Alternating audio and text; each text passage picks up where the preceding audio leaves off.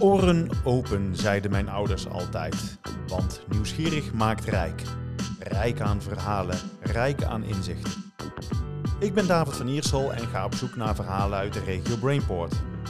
Ik spreek ondernemers die onze kennis verrijken en ons inspireren om wie ze zijn.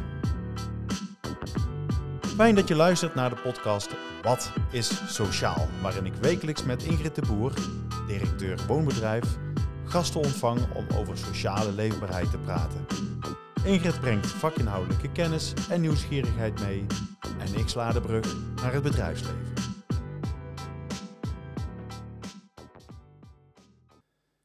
Vandaag gaan we in gesprek met Ad van Berlo, oprichter van design- en innovatiebureau Van Berlo. Hij verkocht zijn bureau met zijn 100 werknemers aan het Amerikaanse adviesbureau Accenture. Want ontwerpers worden steeds meer consultants. Dat vraagt dadelijk om wat meer uh, toelichting. Maar wie is Ad van Berlo? Ad, welkom bij ons in de podcast. Ja, dankjewel voor de uitnodiging, zou ik zeggen. En uh, ja, wie ben ik? Ik ben een pensionado, zou je kunnen zeggen nu. Hè? Want ik heb een bedrijf verkocht en ik ben uh, 65 plus. Dus, uh, en ik ben een hele trots opa op twee kleinkinderen. En het derde kleinkind komt eraan, dus ja, een hele mooie tijd. We hadden begrepen dat het uh, zelfs tijdens deze podcast zou kunnen gebeuren. Dus, uh, zou zomaar kunnen. Zou, uh, zou wat zijn. Ja. Um, de introductie die ik je net gaf, dekte die goed de lading? ja, voor mij wel. Kijk, we kunnen heel lang over praten, maar dat is allemaal het verleden. Dus ik vind eigenlijk de toekomst interessanter dan het verleden. Ik, iemand zei eens tegen mij van jouw woordgebruik is meer in de toekomst gericht dan in het verleden. En ook als ik Engels spreek, dan gebruik ik altijd, nou ja de toekomstige vorm, zeg maar, hè, in, de, in de taal. En uh, ja, dat, dat boeit mij het meest, de toekomst. Nou, dat treft, want ik uh, wil ook een onderdeel om het gesprek in de podcast mee te beginnen. ook teruggrijpen naar het, de essay die je hebt geschreven in Wat Magazine. Eerst verbeelden, dan geloven. En um, samen met Ingrid haken we in op het bouwen van de, de stad van de toekomst. Dus toekomst, dat is best wel een onderwerp wat centraal staat. En ik zou willen beginnen met een, een citaat daaruit en dan kunnen we daarop uh, op, op, op, aanhaken. Juist in Brainport, waar techniek, design en kennis hoogtij vieren, moet de complexe puzzel van menselijke, economische en ecologische behoeftes op een vernieuwende manier gelegd kunnen worden. Essentieel is de multi-helix samenwerking tussen inwoners, overheid, private, of, sorry, private partijen en kennisinstellingen. Door hun behoeftes te doorgronden spelen ontwerpers een belangrijke rol als smaakmaker van de stad. Hoe zou je dat moeten organiseren? Uh, ja, kijk, uh, daar kun je een hele moeilijke systeem voor maken, maar in feite komt het altijd niet op de dialoog.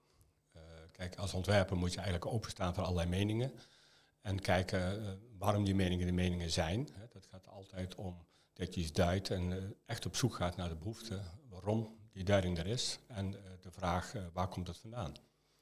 Dus je probeert eigenlijk altijd twee, drie lagen dieper te gaan dan wat de meeste mensen zeg maar, in eerste instantie uiten.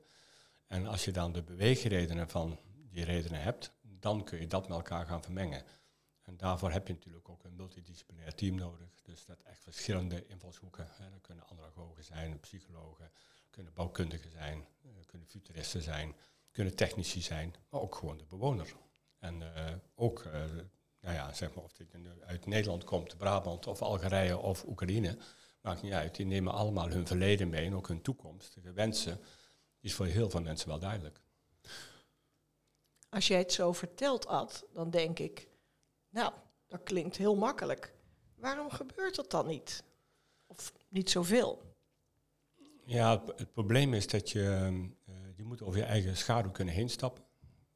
Kijk, uh, Bokito-gedrag, dat past hier niet uh, bepaald in, zullen we even zeggen. Ik heb wel eens een vergelijking gemaakt van be an elephant, instead of uh, een ja, gorilla.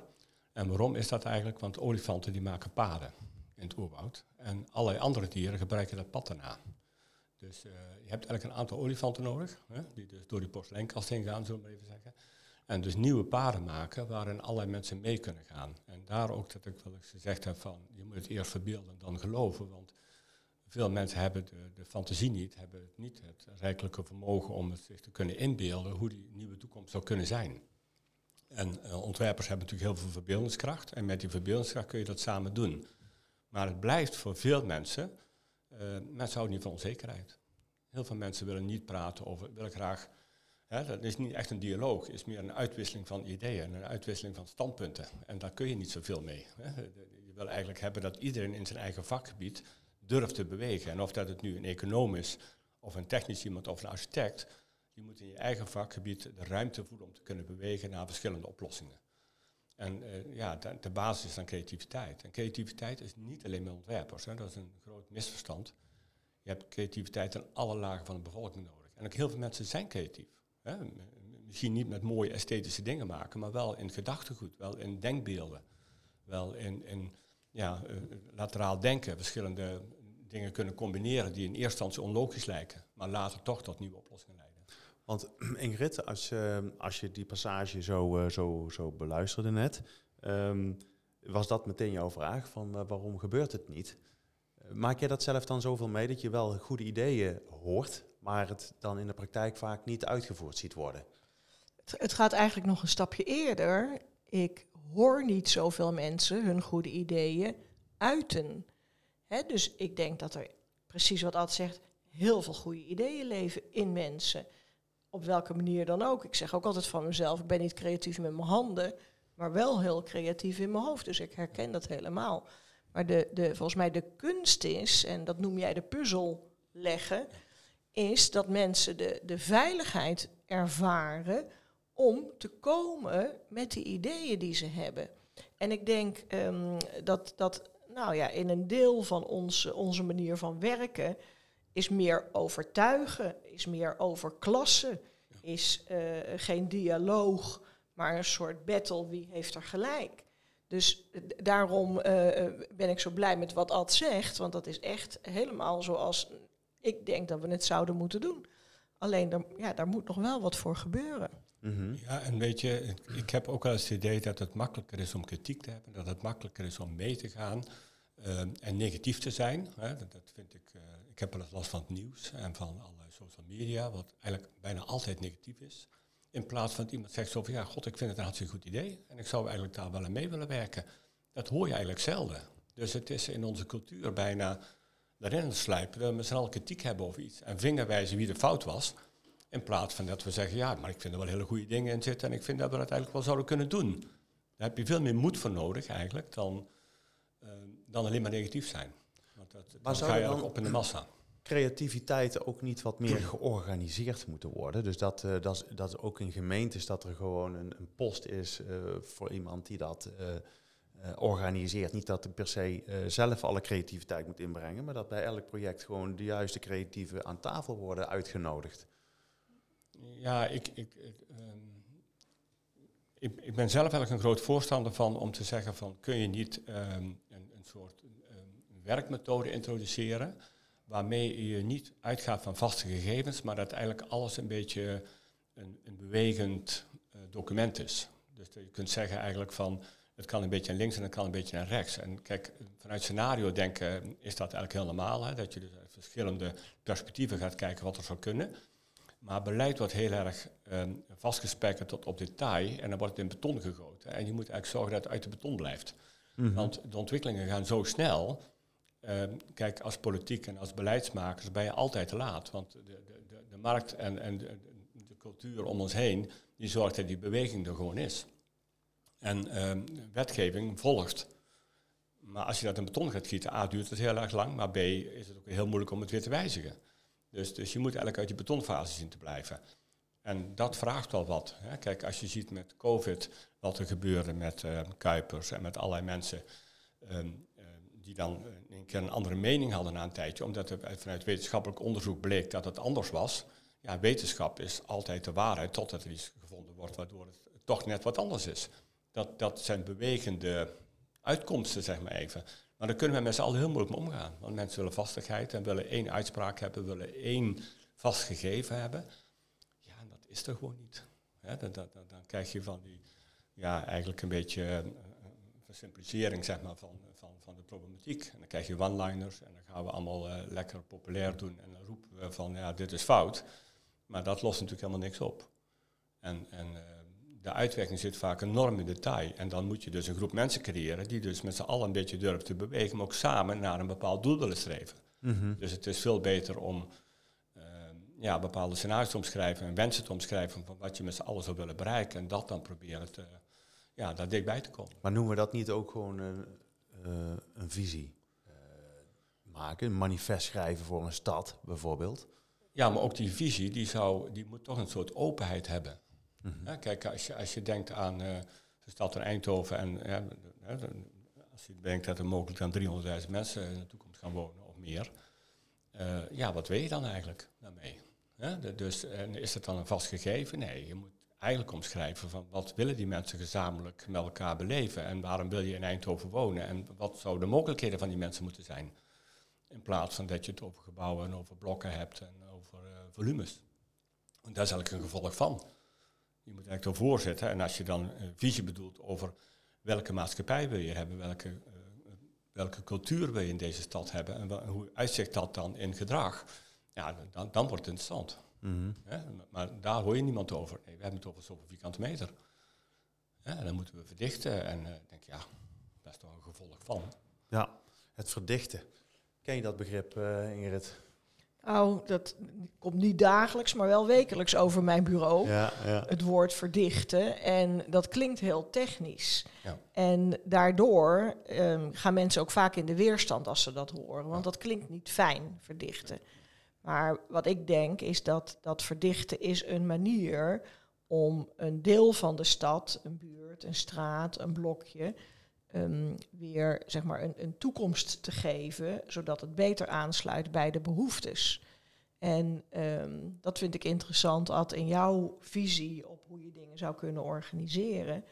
Dat het niet gaat over het, dat blokje maken, maar dat het gaat over wat is dan uiteindelijk het effect van die interventie? Wat zou je willen Ja. bereiken? En ik noem dat altijd verleiden.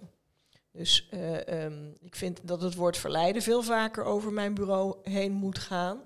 En verleiden doe je door mensen werkelijk te zien in hun behoeftes. En dat, dat zei jij net ook al. Op zoek gaan naar waar hebben mensen behoefte aan. Ja, wat drijft mensen? Wat, wat, wat maakt het dat hun hier willen wonen en er zijn? Kijk, ik, ik vind als je een stuk stad zou ontwerpen en je wil die omgeving ontwerpen, dan moet je misschien wel meer met de omgeving bezig zijn de woning. Natuurlijk, die woning, maar dat weten we wel. Dat is een zoveel vierkante meter met een keuken, je wil zitten, je wil aan een tafel kunnen zitten, je wil kunnen slapen, douchen. Nou, weet je, daar kun je een beetje meer en minder maken, maar laten we zeggen, dat, dat is relatief simpel in mijn optiek. Eens? Ja. Maar die omgeving.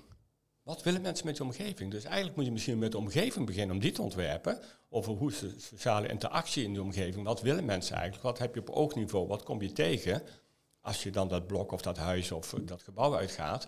En wat wil je dan beleven? Nu, maar ook in de toekomst. Hoe denk je dat de ontwikkelingen gaan plaatsvinden? Ik, ik, ik, geef wat vaak een simpel voorbeeld. Eh, vooral hier in het Eindhoven hebben we heel erg over de fysieke wereld. Hè. We denken aan ASML, NXP en eh, dat vinden we allemaal geweldig. Wat de meeste mensen niet weten is dat meer dan de helft van die mensen eigenlijk al bezig zijn met digitale concepten. En met software aan het schrijven bij die bedrijven. En als je nou ervan uit zou gaan over 15 jaar dat 50 tot 70 procent van de economie digitaal is. Wat betekent dat dan? Want digitaal kun je natuurlijk prima met de computer doen. We hebben met COVID gezien hoe goed je kunt thuiswerken. Dus als het allemaal digitaal gaat worden, bijna wat we doen, dat dat, wat betekent dat voor een stad? Wat betekent dat voor een omgeving? En hoe maak je dan nog wel contact met elkaar? En wat, moet, wat betekent dat contact dan? Toen wij de studio bouwden, heb ik 40% van het gebouw is eigenlijk om interactie, is om elkaar contact te hebben. Met een grote trap, met een koffiecorner erin. Als je erover nadenkt, 40% is waanzinnig. Door COVID nu zie je dat kantoren gaan veranderen en dat het veel meer een ontmoetingsplek gaat worden en dat je gewoon thuis werkt of dat je in een cel werkt of waar dan ook. Ja. Uh, om geconstateerd even datgene te doen wat je moet doen, maar dat je eigenlijk de interactie wil opzoeken om tot nieuwe ideeën te komen of tot structurering te komen of tot detail te komen van die ideeën. Maar het, is ook zo uh, dat hè, inderdaad door een crisis uh, ontdek je ook weer dat er nieuwe vormen ontstaan. Dus er wordt meer uh, remote ge gewerkt, zoals je net aanhaalt. Um, maar het is ook zo dat de nieuwe generatie die er weer aan staat te komen, hele andere behoeftes ook heeft dan de generaties waarin wij nou zelf in verkeren. Um, je zou bijna haast willen zeggen dat de generatie Z uh, ook mensen moet vertegenwoordigen om de stad van de toekomst mee te helpen bouwen. Lijkt mij, tenminste. Tuurlijk, maar, maar dat is als je zegt ik wil de huidige bewoners, maar ook de toekomstige bewoners erbij halen, dan moet je al eigenlijk heel snel jongeren erbij halen. Want dat is namelijk de toekomst. Dat is de makkelijkste manier van toekomst. Kijk, als je over 30 jaar denkt, dat is veel lastiger, omdat die nog niet geboren zijn, zullen we even zeggen. Een aantal ervan. Maar als je ehm, zeg maar, wat dichterbij bij elkaar houdt en zegt, nou, de komende 10 jaar of 15 jaar wat moet gebeuren, ja, dan heb je die jongeren gewoon op de universiteit, op de scholen, op de, nou ja, het basisonderwijs, die zitten er al. En daar kun je al mee in dialoog gaan. Want die kinderen hebben echt andere wensen. Kijk, als ik nu kijk naar mijn eigen kinderen, die dan ja, graag veganistisch of in ieder geval vegetarisch eten. En eigenlijk niet meer willen vliegen. En ja, allerlei wensen hebben en ook hun gedrag aanpassen. En dan zeggen, ja nee, maar dat is toch de toekomst van onze kinderen. Dat is toch de toekomst waar wij in zitten. Dus die hebben toch veel meer een soort bewustzijn erop zitten dan onze generatie, zal ik maar even zeggen. Ja, dus dat ik wel mooi. Maar dat betekent dat, dat het lege vel van een ontwerper van een stad, dat die uh, anders uh, getekend gaat worden. De schets zal anders worden. Als er ooit een ik denk het proces om überhaupt te komen tot de schets zal anders zijn. En ik merkte dat vorige week, toen liep ik in Jagershoef. Dat is een van de buurten in Woensel. En uh, dat ligt naast het winkelcentrum Woensel. En ik sprak daar een jongetje van een jaar of acht. En uh, ik zei van, goh, vind je het leuk wonen hier in de buurt? Nou, daar kon nog wel wat verbeterd worden. Want die weg die wilde hij eigenlijk afsluiten. Auto's die konden tot daar komen en niet verder. En het spelen was ook niet zo, want er was eigenlijk maar één speelveldje voor kinderen van zijn leeftijd. Maar hij wilde liever spelen op dat andere speelveldje, waar die oudere jongens speelden, waar een kruifkoortje is. Maar ja, zegt hij, dan pakken ze mijn bal af en dan word ik gepest. Hij zegt, ik wil een speelplek hebben die bij mij past. Nou, het zijn allemaal dingen die had ik niet kunnen bedenken toen ik daar stond. Dus ik vond het zo gaaf dat ik denk, ja, weet je, als je even de moeite neemt om gewoon zo'n jongetje op straat even te bevragen en aan te spreken. En pas later dacht hij, wie bent u eigenlijk? En wat doet u hier eigenlijk? Die, eh, toen kwam zijn moeder erbij, die mevrouw, mama. Maar die, iedereen praat gewoon met je. Ja, ja, ik, ik, heb zelf het idee van, kijk, ja, als je de dialoog start, dan krijg je zoveel ideeën en mensen weten echt wel wat ze wel en niet prettig vinden aan hun omgeving. Het, het probleem is veel meer van, uh, A, moet je het ophalen, hè, die bereidheid moet er natuurlijk zijn, maar als je het opgehaald hebt, hoe ga je ermee om? Hoe structureer je het? Want sommige belangen zijn natuurlijk uh, tegendraads. Die zijn natuurlijk, uh, wat de een wil, dat is misschien niet mogelijk omdat de ander iets anders wil. Dus dan gaat het erom van ja, hoe kun je daar eigenlijk een mooi soepje van breien, wat beide lekker vinden en misschien niet 100% hebben, maar wel voor 95% leuk vinden. Dus het gaat er veel meer om van hoe breng je die ideeën bij elkaar, hoe visualiseer je dat dan, dat is wat wij altijd doen om makkelijker toegankelijker te maken voor mensen. Maar hoe zorg je dat dat weer teruggebracht wordt naar die mensen? Want kijk, je kunt iets vragen, maar als je de dialoog niet aangaat, maar ook niet afrondt, niet afhecht, niet terugbrengt naar die mensen, dan heb je natuurlijk nog niks bereikt. Ja, want dan zijn ze eigenlijk niet gezien. Ja, dan hebben ze alleen maar leeg getapt. En ik, ik denk dat dat ook in de in bestuurlijke vorm ook vaak te weinig gebeurt. Dat het teruggekoppeld wordt. Want dat zorgt voor betrokkenheid met mensen. En dat is ook in mijn optiek een beetje wat er met de politiek aan het gebeuren is. Dat mensen, A, vinden ze zich niet gehoord, maar B, er wordt ook te weinig teruggekoppeld. Want dan wordt het allemaal ingewikkeld. En ja, dat vind ik toch een onderschatting van de gemiddelde consument, zullen we maar even zeggen. Want ik denk dat heel veel consumenten hun eigen situatie heel goed begrijpen. En misschien niet altijd voldoende overzicht over hebben. Hè. Dat, dat, dat zie je. Hè. Dat zijn vaak ja, bepaalde categorieën die dat net niet goed genoeg kunnen, waardoor zijn de problemen ontstaan.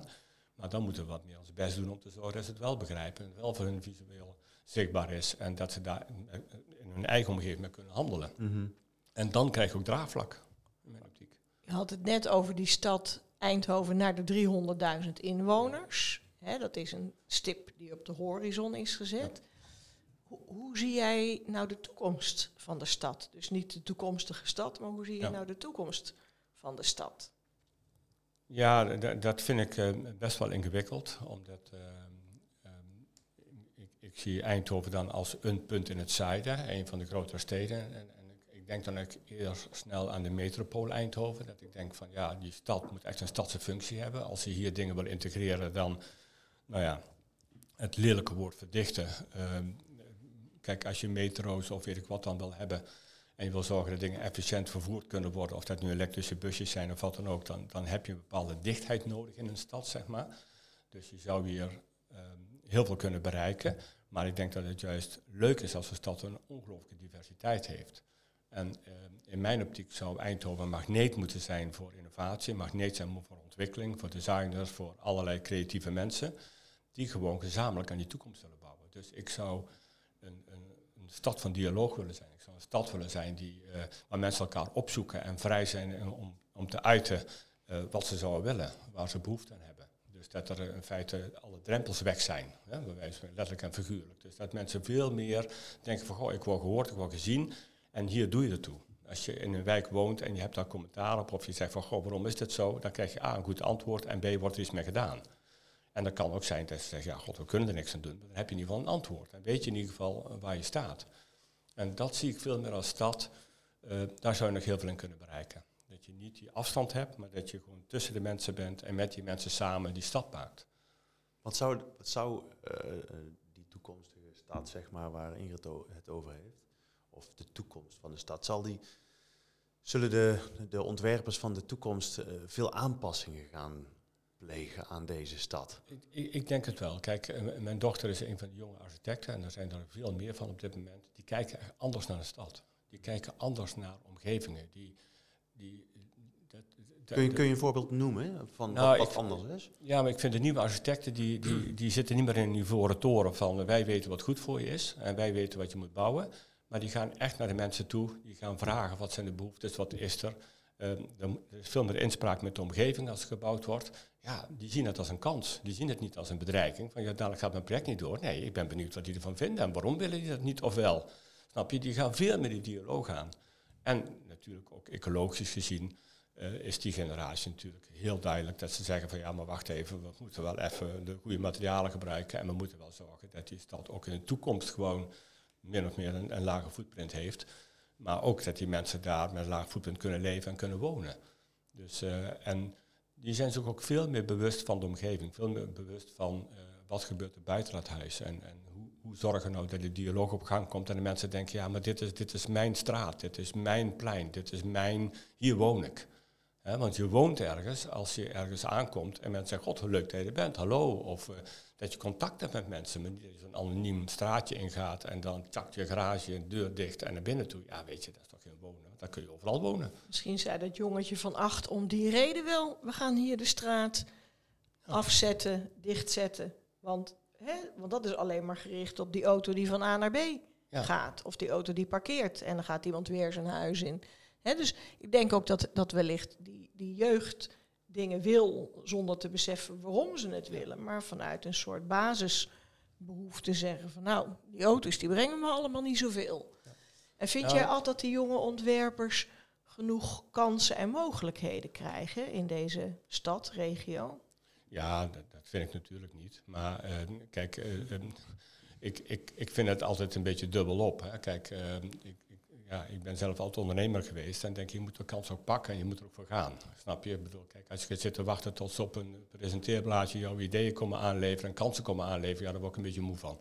Dan denk ik, als je nou ontwerper bent en je kunt anders denken en je hebt die flexibiliteit in je hoofd en in de fysieke en in de spirituele kant, dan denk ik, jongens, nou ga er dan voor en, en kom met ideeën. En ga niet zitten wachten tot een gemeente zegt van, joh, zou je een plannetje voor mij kunnen maken? Nee, dump gewoon ideeën op die stoep. Dat ze, dat ze niet naar binnen kunnen. Dat er zoveel ideeën liggen dat ze er doorheen moeten, bij wijze van spreken.